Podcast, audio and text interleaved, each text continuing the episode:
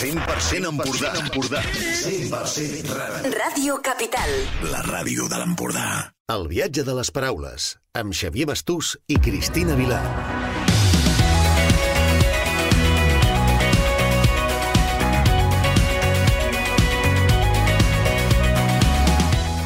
Benvinguts i benvingudes al viatge de les paraules, al programa de llibres i viatges de Ràdio Capital. Som en Xavier i la Cristina de la viatgeria. La passió pels viatges i la lectura ens va portar a obrir una llibreria i agència de viatges a Calonja, que forma part del primer poble de llibres de Catalunya.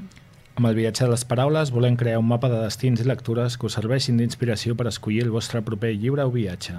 Recorrerem mons reals i de ficció a través de les novetats literàries i dels llibres de fons que s'amaguen als prestatges de les llibreries. I durant aquest recorregut també farem parades per explorar països i racons del món descobrint el paisatge, la cultura i les seves tradicions. Ens acompanyeu? Com sempre, començarem amb la pila de llibres, un espai on us proposarem les novetats dels últims mesos que ens han agradat, per després continuar amb l'agenda de, on destacarem alguns dels actes culturals i sobretot literaris que passaran els propers dies al Baix Empordà. Després farem l'espai Mapa d'A, on viatjarem a un indret del món per descobrir la seva cultura, els racons i, com no, lectures per acompanyar aquest trajecte. Acabarem la secció amb Sense destí, on tindrà cabuda tots aquells llibres que s'han perdut en els prestatges i que per un motiu o altre creiem que ha arribat el moment de recuperar-los i abans d'acomiadar-nos no faltarà una petita pista, un joc on sabrem el país que visitarem la següent setmana. Uh, bé, a l'últim programa us vam donar la, la següent pista, no? que era una zona situada entre dos països i que se li atribueix ser la fi del món. Com a pista està bé, però jo, jo demanaré més. Alguna pista més? Que hi fa fred, no puc dir més. Bé, no, no m'acaba d'ajudar gaire.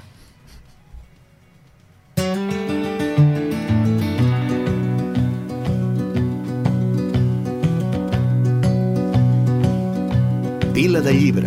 Partimos temprano un mundo Bueno, entenem desconocido. que ja heu fet una mica de tria dels llibres que en Xavi ens va proposar l'anterior programa. Aquesta setmana entenc que ens portes més feina, no? Jo estic acabant ja les calces al sol i la veritat és que és un, un encert. Quines propostes ens faràs avui? M'agrada que em diguis que vam encertar la setmana passada. Això, per una banda, és bo, per l'altra, més pressió per aquesta secció.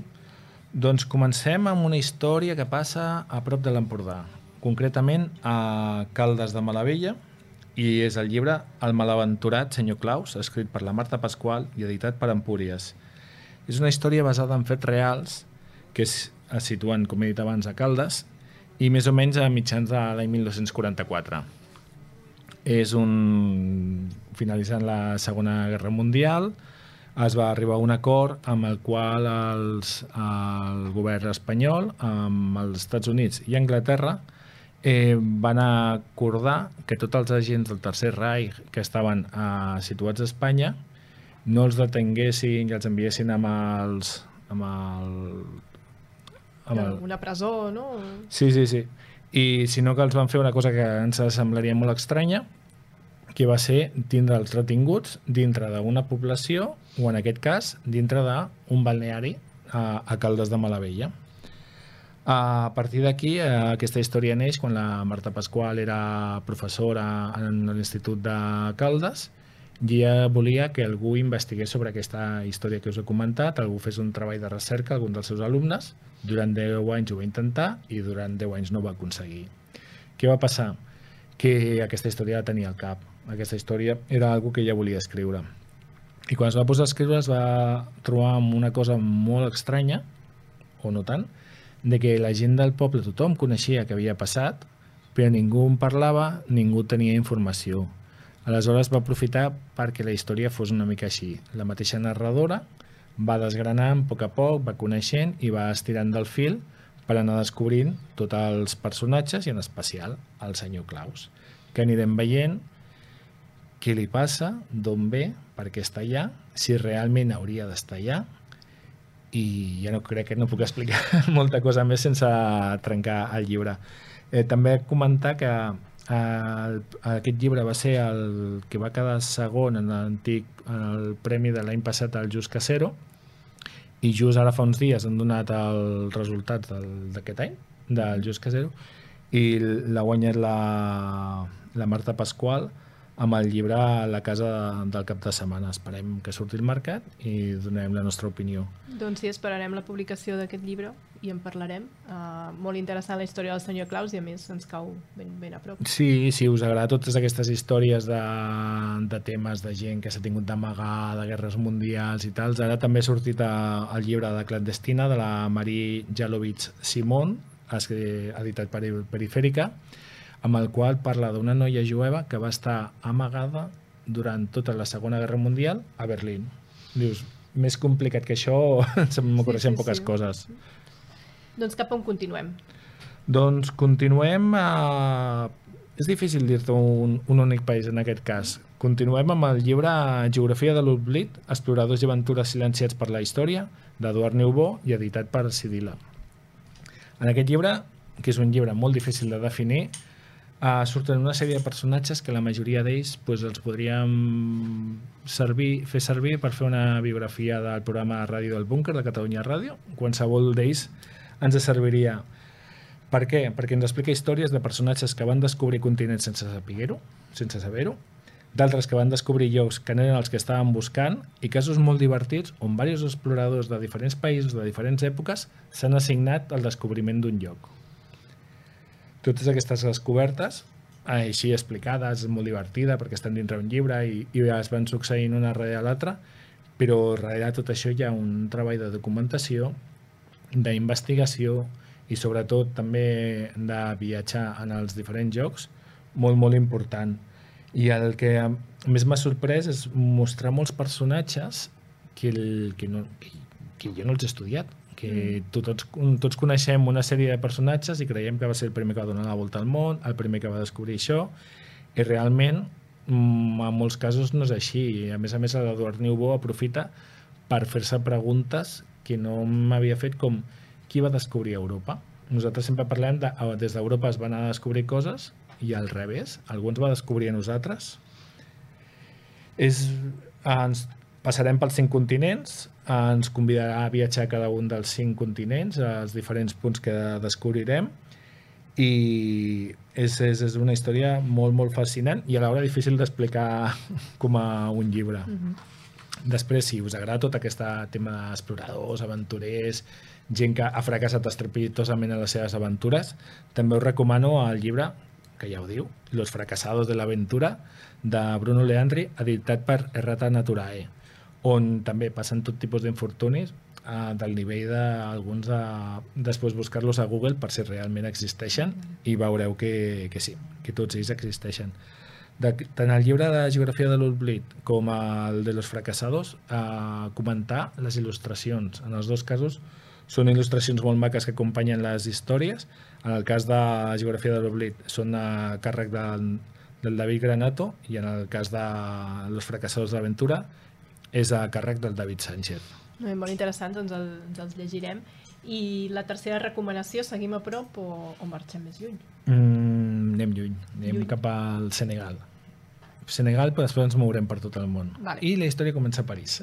o sigui, que, vale, comencem. en aquest cas és la memòria més secreta dels homes eh, de Mohamed Mbougar Nassar, editat per més llibres en català i per anagrama en castellà. El nostre protagonista de la història serà Andiegan Latir Fayet. És un jove escriptor senegalès que està estudiant a, a París. I a París descobreix un llibre, un llibre que s'havia editat a l'any 1930 a Senegal, que és el laberint de l'Inhumà. A partir d'aquí, després de la publicació d'aquest llibre, que va ser un gran èxit, l'autor desapareix i no es torna a saber mai més res d'ell. Doncs és el punt on inicia ell, què va passar amb aquest autor, on va anar a parar... Tot això està basat en, en un cas real d'un llibre en el qual l'autor va publicar, va ser un èxit, i després el van acusar de plagi. I per això va desaparèixer. Diguem. Es va amagar, no ser amagar. avergonyit. Bueno, es parla de que tenia una escopeta i si algú s'acostava a casa que seva disparava. Es va amagar, es, va, es veia del món d'alguna manera. En aquesta novel·la no només és una novel·la d'anar perseguint per anar descobrint coses, sinó en aquest llibre Mohamed Mbougar aprofita aquest viatge per reflexionar sobre la literatura, la necessitat dels, dels autors d'escriure, reflexiona sobre el plagi, També parla del colonialisme, però el colonialisme parlat des dels africans, i també parla de perdre l'identitat amb el colonialisme, eh, la visió dels africans de l'Holocaust... És un treball diferent al que estem acostumats i una visió dels països africans que a mi em sembla interessant. Sí que he de dir que és una prosa molt ràpida, molt àgil, intercalar present, passat, barreja un part de biografia, barreja relats, testimonis, dietaris, de forma i manera que es requereix estar molt atent a la lectura perquè si no et perds. I si et perds mm, no n'acabes de copsar tota la, la història. Sí que no és dificultós, però quan estiguis llegint eh, has d'estar concentrat. I tindríem alguna alternativa? A mi me sona a la història que m'expliques al cartògraf d'absències, no? que també parla d'això justament, d'aquest Sí. retorn a la identitat. És, a, és del Miyakoto, també és un autor africà, eh, en aquest cas de Mozambic, i amb el qual parla d'una història, és una prosa molt més tranquil·la, molt més poètica, eh, hi ha una lírica amb tot el que ell escriu, i també parla de l'empremta del colonialisme, de recuperar la identitat. Seria una història semblant des d'un origen diferent i un ritme Sí, Miyakoto suau. és molt més poètic. Sí, en català aquest que comentaves l'ha editat per Iscopi i en castellà em sembla que ell està com el mapeador d'ausències editat per Alfaguara. Molt bé. I per on seguim després de Miyakoto? Després de Mia Couto, que és tot un poeta, eh, ara fem un canvi de continent i una miqueta d'estil. Parlarem de l'obra d'Amor Towles. L'Amor Towles segurament el coneixem eh, amb Normes de Cortesia, que va treure el 2011, que va ser un èxit. Posteriorment, va, el 2018 va treure El Caballero de Moscou, també va ser un èxit. I el Caballero de Moscou jo d'alguna manera ho emparentaria amb el que hem parlat al principi, el malaurat senyor Claus, perquè en aquest cas el Caballero de Moscou, quan van arribar els bolxevics en 1920 a, a, a Moscou, es van carregar a tota la família del zar i tots els familiars. Aquest, el personatge principal de la història és un conte i estava condemnat a mort. Però aquest home, quan era jove, era una miqueta vermell, revolucionari, i havia escrit a, algun text una miqueta revolucionari. I va decidir eh, que no el matarien, que no li, li traien la condemna de pena de mort, però que estaria la resta de la seva vida a l'Hotel Metropol de Moscou i quedaria ja com a la seva presó. I a sí, una presó una mica d'or, no? Podríem dir. Sí, a partir d'aquí vas veient com ella explicant l'evolució de, del Moscou, que està canviant, i tots els personatges i totes les relacions que va creant amb la gent que treballa a l'hotel, que entra i surt, és, una, és espectacular, com treballa l'Amor Towles, tot el que és el principi del segle XX, és un autor especialitzat en aquesta època de la història. Però em sembla que no ens volies parlar d'aquest llibre. No, perdona, sí, perdona. Del que ha sortit ara. Sí, volia parlar de... Jo me'n vaig de tema ja. tu, tu ja estàs aquí per, per anar-me guiant. Volia parlar de l'autopista Lincoln, que ha sortit fa un parell de mesos i està editat per Salamandra. Ens situem, en aquest cas, a Estats Units, als anys 50, a Nebraska, on quatre joves tenen l'objectiu de fer un viatge en cotxe a Nova York.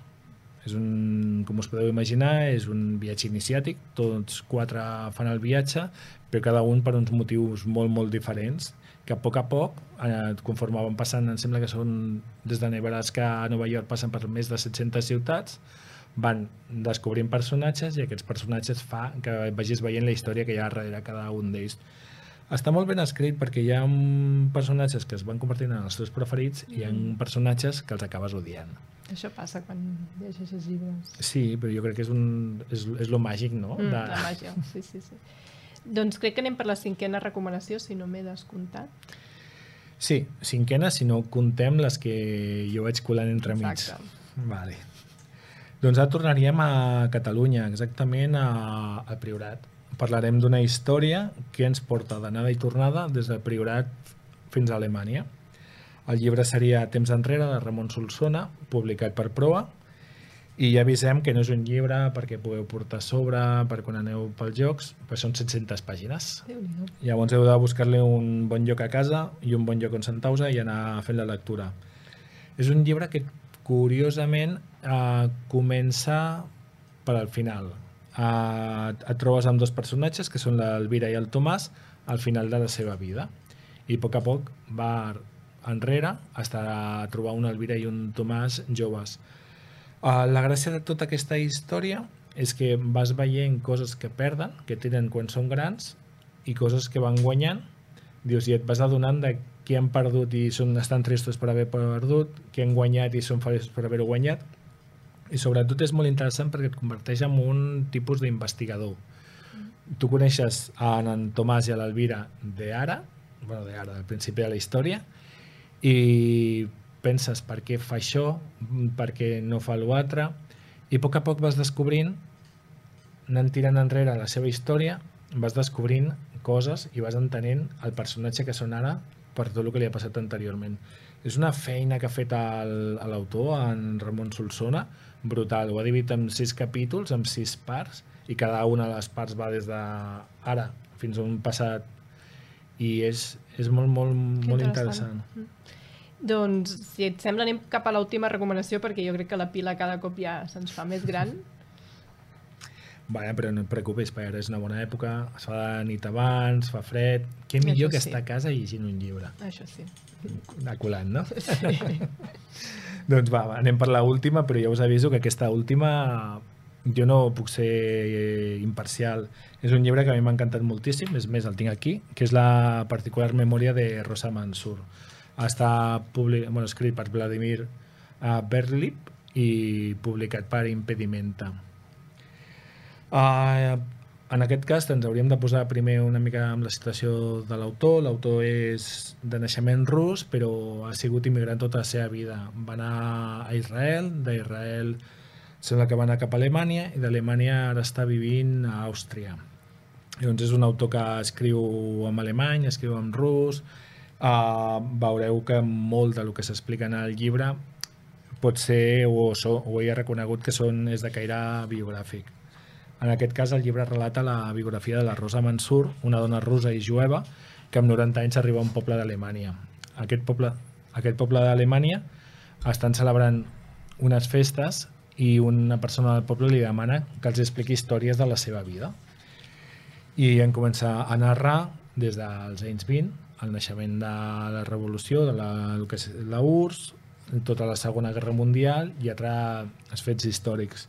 A mi el que més em sorprèn i a la vegada m'agrada és que va parlant de coses molt traumàtiques, de coses molt dures, però com que ho està explicant els personatges que ho han viscut, hi ha un punt d'humor, d'ironia, de ja ho hem passat i encara som aquí, i és, és molt, molt maco. Ja dic que no seria parcial. I aleshores, llavors, el, sobretot l'estil narratiu que té ens atrapa des d'un bon principi i la narració que fa la Rosa el manté una distància eh, de la història que et poden explicar coses molt dures i les, i les pots anar acceptant. I a més a més, la Rosa va explicar coses molt importants i no es vesteix com un heroi, sinó es vesteix com una persona que ho ha viscut, que li han tocat aquelles circumstàncies i que les ha passat, però no és ni una superheroïna ni una superdona, sinó accepta el que li ha vingut. Ja us dic que per mi és lectura obligatòria abans d'acabar l'any. Molt bé, doncs moltes gràcies per totes les recomanacions d'avui.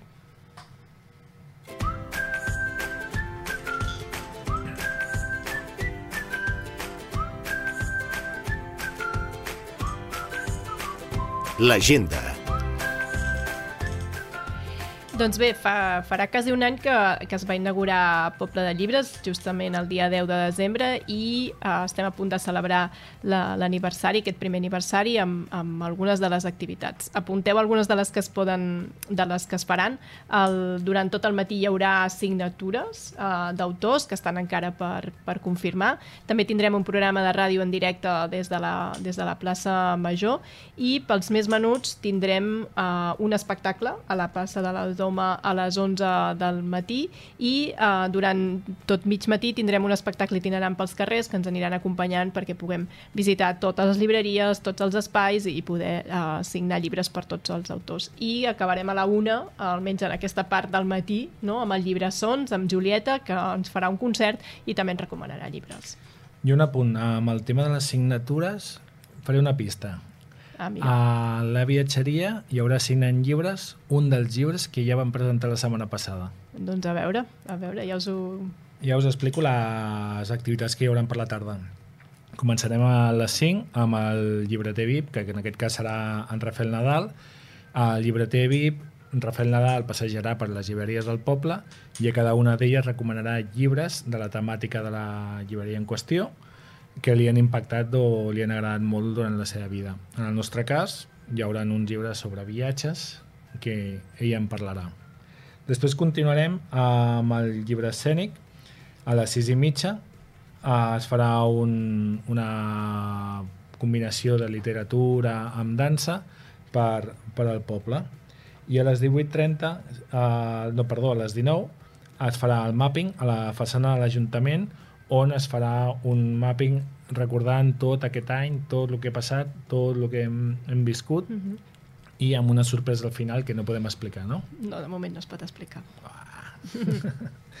I acabem a les 8 amb el vi en vers. És un maridatge que fem cada principi de mes a Calonja, uh, un maridatge de poesia i vi, i en aquest cas ens acompanyarà l'Andreu Subirats. Bueno, i moltes altres sorpreses no? que, que, que descobrireu si, si veniu, així que us esperem a tots i totes el 10 de desembre per celebrar la cultura a Calonja, Poble de Llibres.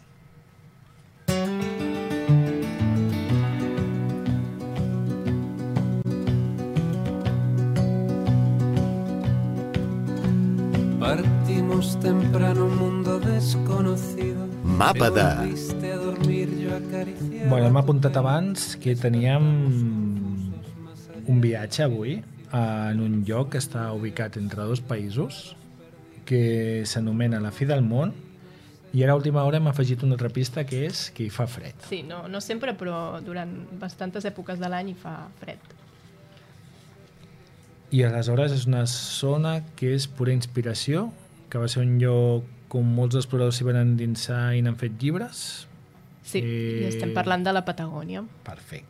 Sí, Què ens és- pot explicar? Doncs bé, uh, és una zona que em fa especial il·lusió parlar-ne perquè és un dels llocs on m'he sentit més part d'aquest món, tot i estar molt allunyat, i entenc perfectament aquests antics exploradors, com hem també comentat al principi, no? que, que, que s'anaven a, a descobrir el món i, i sobretot es veien atrets per aquesta, per aquesta zona. Per tant, primer situarem uh, on és la Patagònia, donarem alguns detalls interessants, després farem una ruta d'unes tres setmanes perquè tenim, tenim bastants atractius turístics per conèixer i finalment comentarem alguns dels llibres que ens, ens hi faran viatjar des de casa. Doncs comencem, no? Uh, la veritat és que Patagònia és un lloc que tinc curiositat per saber-ne més. Doncs, bueno, com sabreu, la Patagònia està situada al, al Cono Sur, està ubicada entre Argentina i Xile. És una zona molt extensa, ens ofereix uns paisatges de, de somni que van canviant de color a mesura que, ens, que anem avançant de nord cap a sud. Dels verds clars passem a l'ocre, al verd fosc i destaquem sobretot el blau de les glaceres, perquè és un blau, és un glaç que fa molts anys que està, que està allà i a mi em va, realment em va fascinar. La veritat és que no és molt radiofònic el que vaig a fer, però tenim a l'estudi imatges de la Patagònia i realment és el que tu estàs explicant, blaus, verds, i entenc que el que veurem allà és paisatge. Paisatge, natura, o sigui, qui va a la Patagònia és per viure realment la natura, deixar-se abraçar per ella.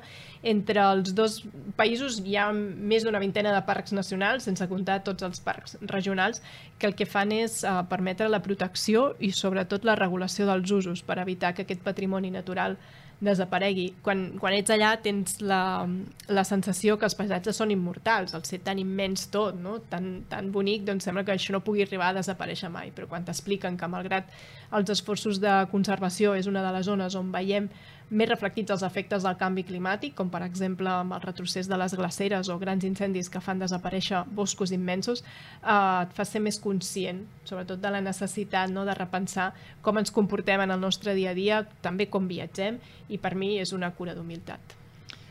Però parles de natura, de uh -huh. paisatges, però hi ha alguna més enllà? Hi ha cultura, hi ha tradicions, hi ha alguna més que pugui veure? També també descobrirem cultura i tradicions. Penseu que és una zona amb grans recursos naturals. Uh, moltes zones estaven aïllades i feia que les comunitats originàries visquessin molt integrats amb la natura i les seves tradicions es transmetien de, de forma oral. Les diferents colonitzacions, estem parlant de les antigues però també de les actuals, han fet desplaçar moltes de les comunitats originàries, de vegades tractades com si no fossin part d'aquest món, com si no fossin persones. Per tant, el passat indígena quasi ha desaparegut i, i actualment trobem la comunitat Mapuche és la que té més presència i la que segueix defensant les seves terres. I per tant una manera d'entendre també aquesta cultura, aquestes tradicions és uh, passar uns dies amb aquesta comunitat com un habitant més des del respecte per conèixer uh, com viuen i d'aquesta manera doncs, veiem que la natura i la, i, la, i la cultura coexisteixen. Els humans som una mica els que podem crear aquest vincle i aquest lligam que a Occident doncs, malauradament hem perdut. Però parles de... o ens transmets de que és un paisatge molta pau, tranquil·litat, jo, com sempre, uh, quan anem de turistes, tot és fantàstic, tot és meravellós, però per la gent que viu allà, tenen la mateixa sensació? Gaudeixen igual d'aquesta pau? Clar, és una, és una zona molt marcada per, per una forta temporalitat turística molt lligada al clima, també tenen condicions meteorològiques extremes, sobretot no, com més al sud ens desplacem.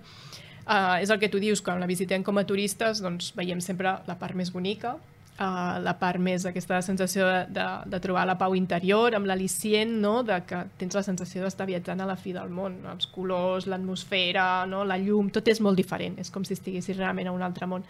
Um, I aquesta sensació pues, és, és bonica quan, quan viatges allà. Quan hi vaig estar, jo, um, jo els hi preguntava als guies locals si ells se seguien meravellant dia a dia amb aquests paisatges, perquè jo no és com, ostres, no podia parar no, de, de mirar-los, també ho faig quan, quan vaig als Pirineus aquí a Catalunya, i em comentaven que sí, que per ells és, és una sort viure allà, no? que, que, la, que, que la prova realment la passes si passes un hivern allà, no? quan les condicions són, són més, uh, més extremes, quan no hi ha turisme, quan fa fred, quan tothom està dins de casa seva, que poder t'has de buscar una altra feina inclús perquè no vius només amb la, amb la feina de, de, de l'estiu que dona el turisme. Així, I aquesta part és la que no veiem no? i que, que ens, fa, ens fa és necessari no ser més conscients quan viatgem, preguntem i busquem les altres realitats no? que, que, que podem trobar. A mi ja m'està agradant. Jo ja m'ha quedat clar que hem de viatjar a l'estiu, que és el nostre hivern. Exacte. I quina ruta em proposes? Doncs us proposo una ruta Uh, però uh, és una ruta estàndard que hem fet, per exemple, per uns clients de l'agència, però es poden fer moltes variacions i, de fet, al final farem una alternativa per si ens hi volem quedar més dies.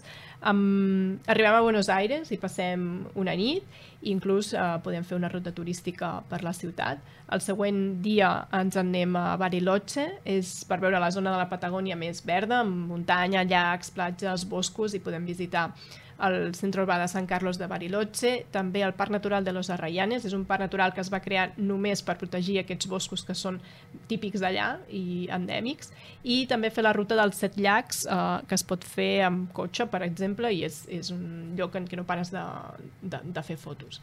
Llavors, si, si seguim cap al sud, arribem a Calafate, aquí tenim dos punts estrella, no? que és el, per, una, per una banda el glaça, eh, la glacera Perito Moreno i l'altra el Chaltén.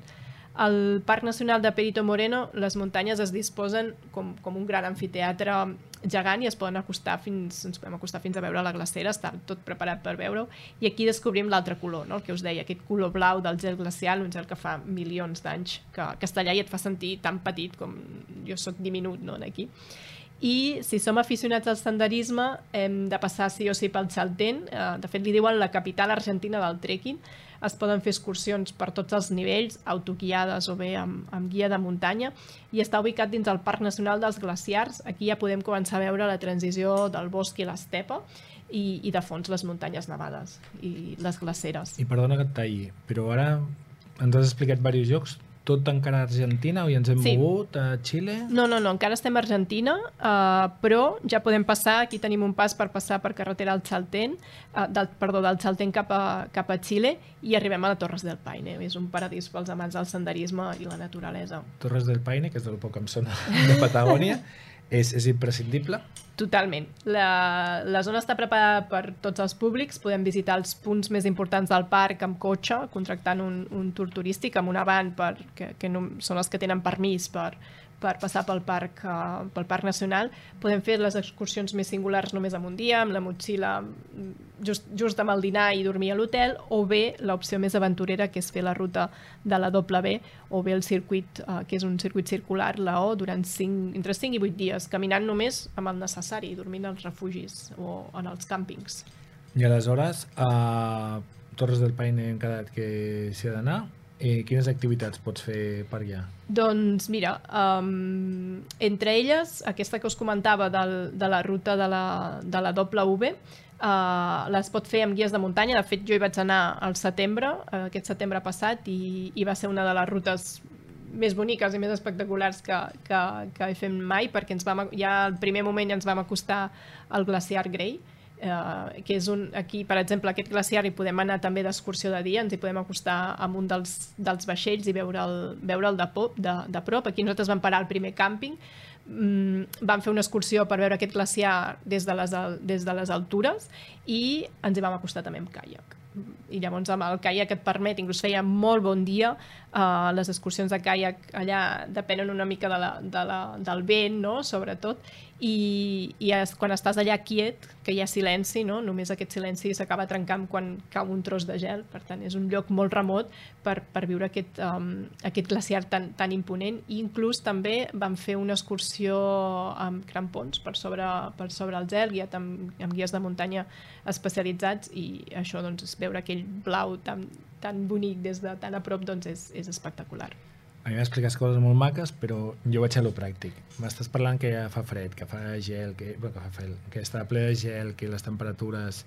Eh, què portes a la motxilla? Com, com gestiones aquesta logística? L'imprescindible, o sigui, l'imprescindible, però tenint en compte això, no? que segons l'època de l'any fa fred i, per tant, eh, heu d'economitzar al màxim sense, sense passar fred i també tenir en compte que plou. No? El, per tant, has de mesurar molt bé, tot i que els, els camins són bastant plans, hi ha algunes rutes que, que sí que fan puja i baixa, uh, com per exemple el, per pujar al mirador del Valle Francès, aquí um, és una ruta que té, o sigui, puges bastant, té bastant de desnivell, i a més aquí vam tenir un altre acompanyant que va ser el vent, que mm, o, o sigui, vigilar amb el vent de la Patagònia perquè ni comparació amb la, amb la tramuntana d'aquí, uh, però val la pena superar-lo per gaudir de les vistes. No? Per exemple, el Mirador francès, que és una espècie d'amfiteatre que ofereix vistes a 360 graus a monuments naturals com el glaciar francès o, o el Paine Grande. Per tant, i a més aquesta, a l'apropar-t'hi caminant, no? tota aquesta zona, vas veient com te vas acostant a les torres del Paine, no? els famosos cuernos, um, i cada cop els vents els tens més a prop. I aleshores parles de vent, parles de fred, on has dorm? Refugis, càmpings, uh, al ras? Um, o càmpings o refugis. Vale. Nosaltres, en, quan, quan hi vam anar, uh, els refugis encara no estaven oberts perquè no, no, havia, no, no estava la temporada encara, o sigui, estaven tancats de, per temporada. Vam dormir dos nits en càmping, Um, les tendes de campanya les pots llogar allà, inclús al sac, o sigui, no cal que ho portis a sobre, no cal que portis més, més pes, però, però això sí, ben abrigat, a més els sacs ja són per, per climes extrems en aquest sentit, i, i si no, doncs hi ha refugis que també um, són doncs, habitacions grans, amb lliteres. De fet, un dels dies en el campament francès sí que vam poder dormir en un domo, que és una espècie de, de, de tenda gegant. Del Decathlon. Uh, aquest cas no és de, no, aquest cas no. Um, i és, és, és una, una tenda de campanya molt gran, a dins tens les lliteres, les dutxes, i, però tot i així, quan fa vent, quan plou, tot es mou. O sigui, és, sents realment la natura, la sents a totes hores. Has parlat de vent i ara deies pluja. Mm, trobes habitualment? Per... Sí, has d'anar preparat per tot. O sigui, pots tenir realment tots els climes en un, en un dia, perquè també vam arribar a anar amb màniga curta perquè feia, quan camines, això, amb el sol, doncs també feia que no, calor.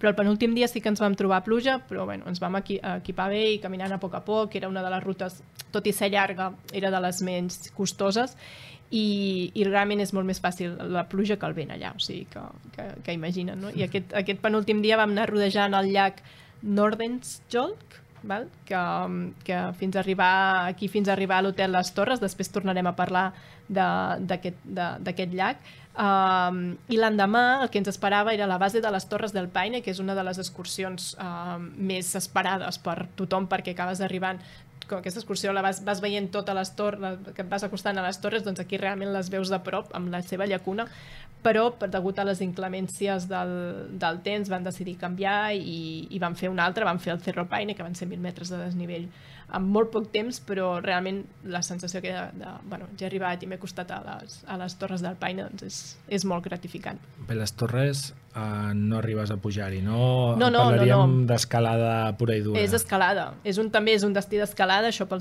la gent més tècnica, allà poden trobar també un, un paradís. Vale. Llavors hem tocat Argentina, hem tocat Xile, les Torres de Paines. Què més ens quedaria per visitar? Doncs, uh, per exemple, Puerto Natales, que seria com la ciutat base de, de la, de la, del Parc Natural de, de Torres del Paine. Aquí um, pots fer també visites de dia, pots fer visites a les finques per conèixer la gastronomia, les tradicions i també, per exemple, un safari per veure pumes. Jo el vaig fer, no vaig poder veure els pumes, em vaig quedar amb les ganes, així que hauré de tornar. Bé, tornen els diners? No, si no Ah, veus no. pumes. Bueno, veus altres coses i, i ja està. I, I a Puerto Natales també és imprescindible veure la posta o la sortida de sol des de la, des de la zona del port i, i aquí també és un moment que si volem comprar algun souvenir eh, tenim un mercat d'artesanies que venen productes locals fets per la, per la gent d'allà. I, i d'aquí ja ens en anem a, a Punta Arenas, vale? baixem més al sud i aquí podem fer una de les excursions també molt boniques que és uh, anar fins a Isla Magdalena per veure les pingüineres, a més de moltes altres aus aquàtiques. Pingüins, aus aquàtiques, balenes, podem veure? També, molts llocs de Xile, Argentina es poden veure les, poden fer avistament de, de balenes, però si baixem cap a Puerto Williams, que hi és, això sí que hi és molt al sud, és Tierra del Fuego, um, allà les podem, les podem veure tranquil·lament i a més a més allà coneixem un allotjament uh, sostenible que funciona amb energies renovables, que està fet amb materials reciclats d'allà i té uns finestrals al mar impressionant. És un lloc que és ideal per fer un retir o desaparèixer per uns dies del món, te'n vas allà i no, i no et troben. I llavors, des d'allà recomanem fer aquestes excursions d'avistament de fauna, no, que és la, en aquest cas de les balenes, però sempre amb respecte, escolliu bé les empreses que ho fan, perquè aquelles que s'hi acosten massa no està bé, perquè el que fan és interrompre la vida pròpia dels, dels propis animals. Sí, ara fa pocs dies a Twitter, em sembla vaig veure, el Xavier Aldecoa, uh, que és uh, escriptor, fotògraf, uh -huh. Eh, publicava imatges dels safaris que s'estan fent ara i és una persecució als animals amb 4x4. A Àfrica, això, a no? Àfrica, sí. Sí, sí, sí, totalment, totalment. I um, de Puerto Williams, que encara és Xile, passaríem a Ushuaia, Argentina, i d'aquí a Buenos Aires ja per agafar el, el vol de tornada. No està gens malament. Va. Estic ja apuntant coses, però al principi ens comentaves que això era un dels viatges, però Mm. que hi havia al- altres alternatives, que hi havia altres opcions. Sí, tenim altres opcions. Si, si no volem tornar per Argentina i volem seguir cap a, cap a Xile, uh, doncs quan estem a Punta Arenas podem arribar fins a Chiloé i Puerto Montt. Allà podem compartir uns dies amb les comunitats Mapuche que comentàvem a, a l'inici. Ells han creat unes experiències turístiques per complementar la seva, la seva economia i passem uns dies amb ells, eh, coneixem les seves tradicions i és aquesta manera d'integrar la cultura en, en, en els viatges. I d'aquí sí que ja passaríem a Santiago de Chile, és a dir, tornar per, per la capital de, de Xile i abans de marxar, això sí, fer una ruta per les vinyes que hi ha entre, entre la capital i Valparaíso, hi ha la, el Valle de Casablanca, i aquí podem visitar un parell o tres de bodegues fins a arribar a Valparaíso. Valparaíso, doncs, visita tota la zona del port um, i uh, hi ha una de les cases de, de Neruda, allà podem visitar-ne una, a Isla Negra l'altra i a Santiago de Chile l'altra. O sigui, si som fans de Pablo Neruda, allà trobarem part de la, de la, seva, de la seva vida. I si et sembla, de moment ho deixem aquí perquè jo no pararia. O sigui, ara ens en aniríem a, a la illa de Pasqua i, i continuaríem. No sé què et sembla. Doncs em sembla un bon moment per parlar de llibres. Ja que el pressupost no ens arriba, anem, anem a visitar-ho amb llibres. Perfecte. Doncs comencem amb un llibre que ja ens queda atenció pel nom. Es diu Los suicidas del, del fin del mundo. Um, com parlàvem abans, no? que, que des de la visió del turista sembla que sigui una zona Sí. molt bonica, no? molt, molt interessant. Uh, realment hi ha zones allà que, que no hi ha res, no? Que, no, que costa molt desenvolupar-se allà com desenvolupar la vida. Llavors descobrim amb la Leila Guerreiro, eh, descobrim un drama que va passar a la localitat de les Eres, a la Patagònia Argentina, mm. quan eh, van començar a succeir una sèrie de suïcidis entre joves de la, de la localitat. Ella ho tracta d'una manera mm, molt respectuosa, ella intenta investigar una mica més des de la seva part periodística, perquè és un tema que no va sortir a, a, la, a la premsa, um, és un tema que es va voler amagar i llavors ella el que intenta és treballar um, parlant amb els amics, amb la família intenten anar desgranant no? perquè, per què tot això no? I, i, i amb, el, amb el seu estil periodístic ens ajuda a descobrir-ho i ella també, si llegiu, veureu que parla del maldito viento, viento patagónico o sigui que és... És veritat, no? El Sí. vent, sembla? Sí, sí, sí, sí. Hi ha alguna història més de viatges? Uh, doncs mira, podríem parlar de la Patagònia Express, de, de Luis Sepúlveda, és un autor xilè. Ell, um, ell ens explica el seu viatge a la Patagònia, però no deixa abans de posar-nos una mica en situació que ell va, um, va estar a la presó durant la dictadura, dictadura xilena i això li va deixar una marca en el seu passaport que és que no podia viatjar pel seu propi país. Per tant, ell va decidir... Uh, ell volia anar a la Patagònia, volia descobrir-la, però com que no podia viatjar-hi, va dir, doncs me'n vaig cap a Amèrica Llatina i cap a Europa per descobrir altres, altres llocs. Fins que rep l'autorització, és quan crec que està a Europa que rep aquesta autorització i torna al seu país i viatja a la Patagònia i amb ell descobrirem, no, a través d'aquest viatge, totes les històries de les persones que, que, que es troben al camí. I com a dada curiosa, en aquest llibre també ens explica que va conèixer Bruce Chatwin a Barcelona, en el Cafè Zúrich i que d'alguna manera van planejar junts aquest viatge a la Patagònia, que passa que es va avançar, Chad, Chadwin es va avançar, ell va escriure en, en la Patagònia, és un, altre, és un clàssic de, les, de la literatura de viatges, el que passa que és un llibre una mica controvertit perquè diuen que es va inventar part de les històries que hi explica.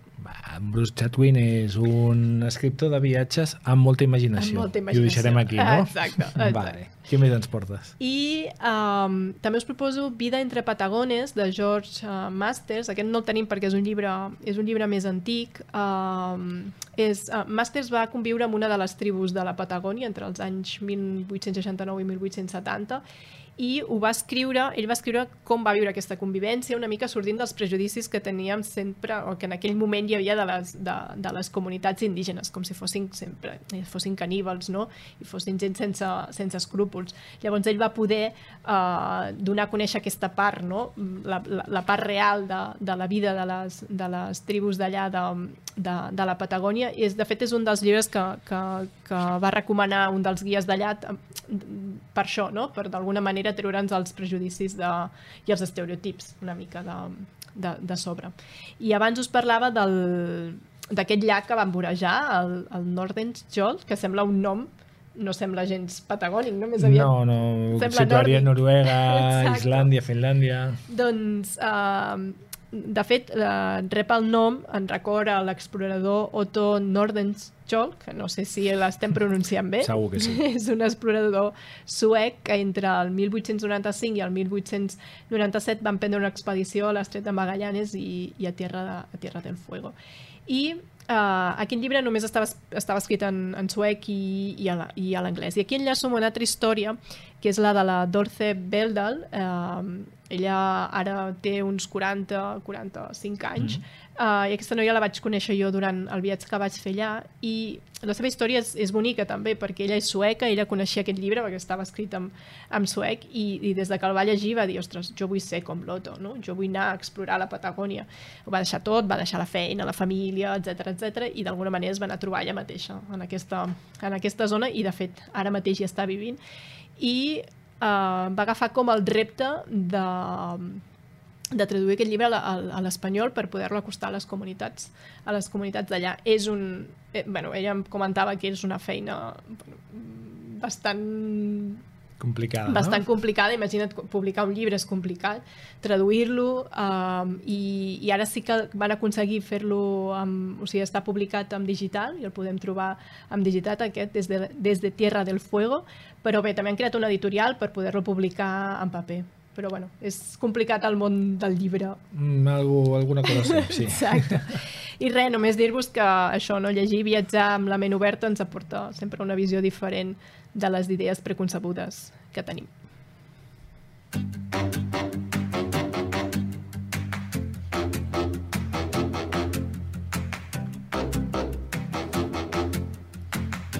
Sense destí.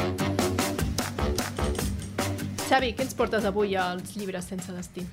Doncs al Sense destí normalment parlem d'alguna cosa que volem recuperar, doncs ara recuperem una cosa que encara està a les, a les novetats. Mm -hmm. uh, parlarem del verano en què mi madre tuvo los ojos verdes. És un llibre que es va publicar el 2016 i que es va traduir al castellà i el va treure Impedimenta al 2019. Des del 2019 que va sortir al mercat, al mercat uh, nacional, va ser tot un èxit i des de bon principi es va demanar que alguna editorial en fes la traducció. Ningú s'hi va posar fins que fa quatre dies, eh, aquest setembre, es va traduir, va sortir l'estiu que la meva mare va tenir els ulls verds, editat per Amsterdam, per la casualitat de que un dels editors el va llegir, va dir com és que no l'hem traduït, com és que no el tenim en català, i s'hi va posar i ara el tenim a, al llibre aquest de la Tatiana Tibulac. L'autora és autora moldava i en aquesta història ens parla d'una mare i un fill, ens narra situacions dures per les que passen, però sobretot parla de perdonar i d'estimar i del dolor que suposa tots aquests sentiments. És una història que jo, com a recomanació ja a nivell personal, tant me fa que la fe llegiu en català, en castellà, però sobretot busqueu-vos un moment o deixeu-vos un temps i feu aquesta lectura perquè és molt interessant. Tu l'has llegit, Cristina? Jo me'l vaig llegir en, en castellà en el seu moment, quan va sortir, i, i està molt bé quan l'autora va descrivint aquest canvi de sentiments que el fill sent cap a la seva mare, no? que comença amb aquest Sí. odi i a poc a poc va acabant amb el perdó i amb l'estima que comentaves. Així que moltes gràcies per aquest llibre, per tornar-lo a, a treure i, i res. Ara ens faltarà la pista, no? Si no, no podem acabar el programa. D'acord, doncs uh, seguim amb el fred, perquè com que estem a l'hivern seguim uh, en països on fa fred, i és un país, a més a més, on podem veure, veure aurores boreals. Tu n'has vist algun cop en directe? En directe no, fotografia no compta, no? No, no compta. O sigui que ens esperarem al primer programa. Doncs amb aquesta pista acabem el viatge de les paraules d'avui. Recordar-vos que sempre que pugueu compreu els llibres a la vostra llibreria de proximitat. Moltes gràcies per acompanyar-nos, esperem que us hagi servit d'inspiració. Gràcies a l'equip tècnic de Ràdio Capital, podeu escoltar els podcasts dels programes a la seva web i a nosaltres ens podeu trobar a les xarxes socials com a La Viatgeria. També podeu venir-nos a visitar Calonja, al carrer de la Rutlla número 12, on us podem recomanar llibres i destins per viatjar. Moltes gràcies i fins al proper programa. Viatja amb nosaltres sempre que vulguis a radiocapital.cat.